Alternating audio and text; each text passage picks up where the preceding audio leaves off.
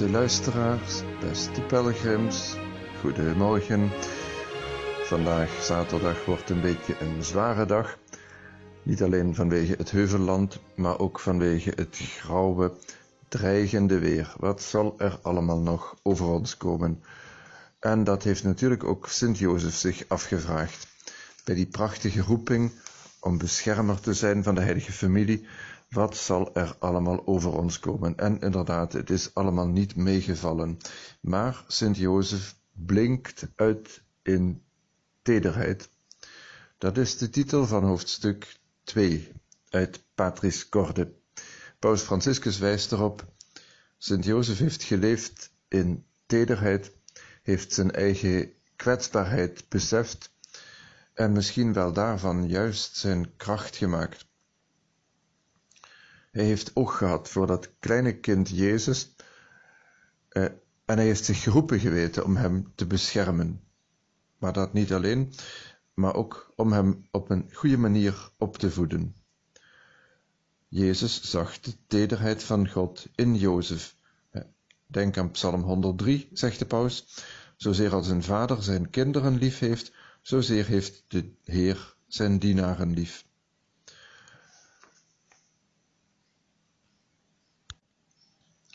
En met die tedere liefde van Sint Jozef en natuurlijk ook van Maria is Jezus opgegroeid. Heeft hij beseft dat God niet mikt op onze eigen kracht, dat God niet eist dat wij krachtige en perfecte mensen zijn die nooit uit de bocht vliegen. Nee, God wil ons juist in onze zwakheid weer oppakken. God gaat zelf met tedere ontferming met ons om. En precies dat heeft Paulus later tot die mooie uitspraak gebracht. Kracht wordt juist in zwakheid volkomen. Paulus schrijft een beetje cryptisch over een doren die in mijn vlees is gestoken, 2 Korinthe 12, een doren die in mijn vlees is gestoken.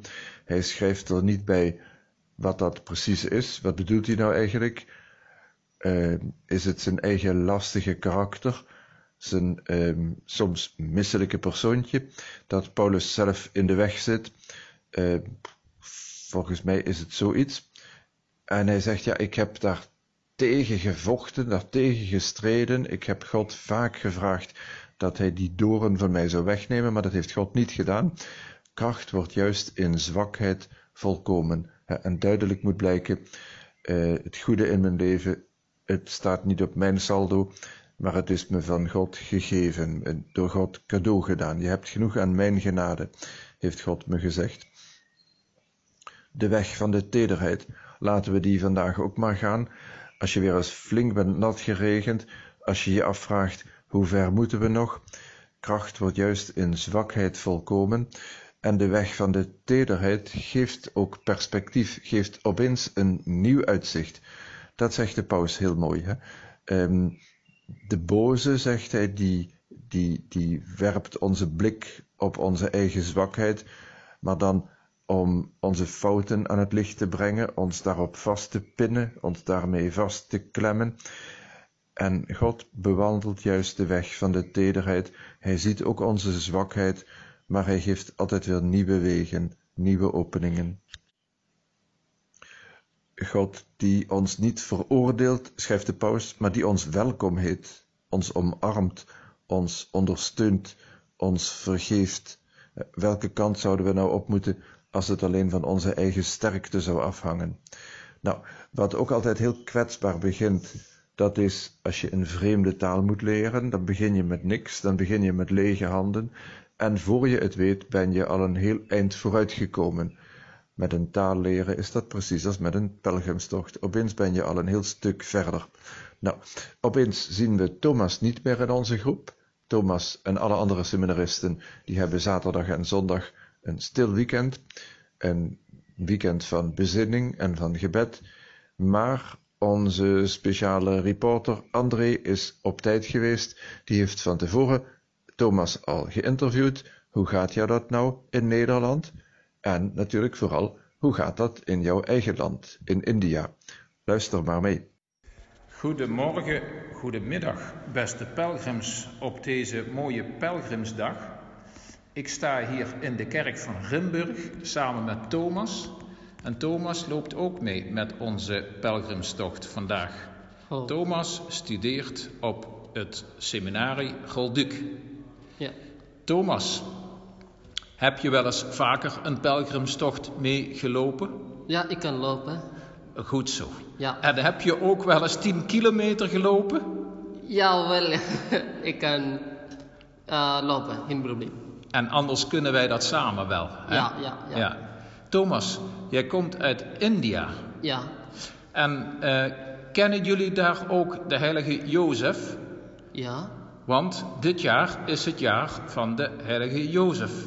ja. En hoe kennen jullie hem in India? Eh, we hebben die kerk in India, Jozef Kerk, meer kerk we hebben, hebben we. Uh, in onze bisdom heeft de, uh, de basilica, niet basilica, uh, basilica heeft de naam is... Uh, Patroonheilige van de basiliek? Ja, is Sint Joseph, ja. Oké. Ja, Maar jullie hebben nog een hele belangrijke heilige in Ja. waar jij woont, hè Thomas? Eh, ik woonde in Kerala. In Kerala. Ja, en in- wie is daar heel belangrijk, een heilige? Thomas, Sint Thomas Apostel. hè. Ja, Sint Ja. Thomas, hè? En- Ja, ja.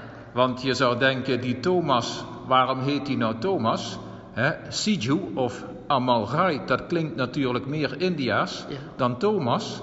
Maar Thomas is ook een echte Indiase naam. Ja, ja, ja, ja, ja. Want in jullie streek kwam Sint Thomas. Ja, Ja. hey, en vandaag gaan we op pad. Het is mooi weer. En ehm, wat verwacht je daarvan vandaag zo? Want we gaan in groepjes. We zien niet de hele pelgrimsgroep, maar die gaan hier naar luisteren straks. ja. Eh, wat denk je, hoe zal het gaan? Denk ik, eh, het is eh, heel mooi. We moeten lopen samen en bidden. En dit is, geeft een goede inspira inspiration voor ons. Inspiratie. Inspiratie voor ons. Het is goed voor mij. Dat, dat is goed voor ons allemaal, Thomas. Ja, dat zeg je heel mooi. Want we gaan lopen en we gaan ook een beetje bidden. En iedereen neemt vast wel iemand in zijn hart mee waar hij speciaal aan denkt. Waar denk jij speciaal aan vandaag als we gaan pelgrimeren, Thomas? Ja, onze intentie, eh, eh, eh, ik heb meer intentie, eh, eh, persoonlijk, eh, persoonlijk intenties, Ja, jouw persoonlijke intenties. intenties en ik moet bidden voor die, eh die pilgrim lopen. Voor alle pelgrims. Ja. Ja. ja. Maar ook voor jouw mama Ja, voor en jouw zus. Ja, ja, voor allemaal. Voor, Ja, ja, Ah, speciaal voor mijn zus. ja. Zij heeft eh, soms een uh, probleem haar la, eh, voor studie en alles. Ja. Zo, ik moet eh, eh, bidden voor haar speciaal. Dan bidden wij voor jou mee. En Ja, wij ja, bidden ja, allemaal voor onze mama's, want het is pas moederdag Ja, geweest. ja. Dankjewel Thomas. Wij spreken elkaar en wij gaan samen op pad. Oké. Succes. Succes. Dankjewel André, dankjewel Thomas en wij wensen jou een heel goede en zinvolle stil weekend toe op Rolduc. En wij moeten nog even verder, we zijn er nog niet. Al schijnt de zon, al valt er regen, wij zwaan ons er wel doorheen. Oh ja, dat is dat mooie liedje, hè? Vrienden zijn we samen. Zo, zoiets geloof ik, moet ik nog eens opzoeken. We gaan verder met hoofdstukje 3, een vader in gehoorzaamheid. Als een seminarist gewijd wordt, dan belooft hij ook gehoorzaamheid aan zijn bisschop. Maar zover is het nog even niet. De gehoorzaamheid is een hele leerschool, schrijft Paus Franciscus in hoofdstuk 3. En Jozef heeft die leerschool zelf doorlopen en hem ook doorgegeven, verder geleerd aan Jezus.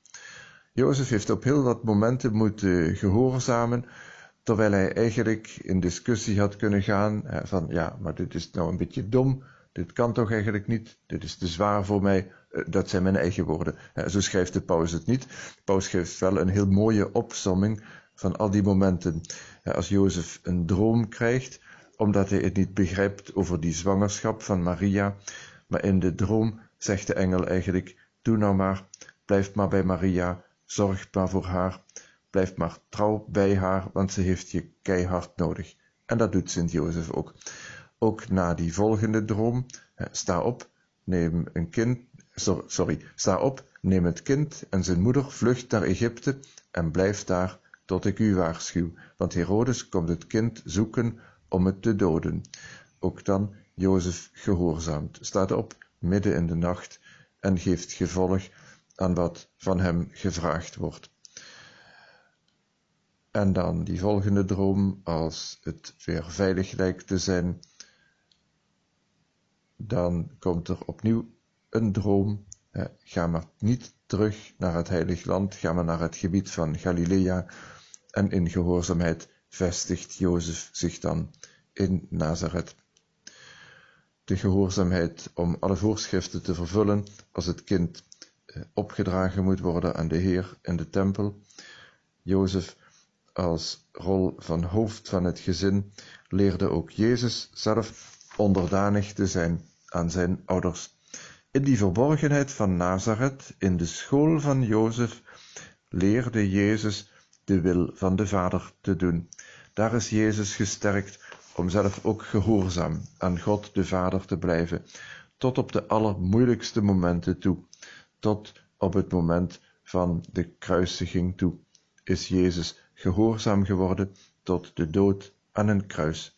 De brief aan de christenen van Filippi, hoofdstuk 2. Jozef heeft hem geholpen op die weg van de gehoorzaamheid. Het is mooi om in stilte even te overwegen, bij tegenslagen, wie zal zeggen of het op dit moment droog is of heftig regent, kan ik de kracht vinden, de eenvoud vinden, de gehoorzaamheid vinden om op mijn levensweg verder te gaan, tegen de verdrukking in, maar heel eenvoudig zoekend naar wat God vraagt.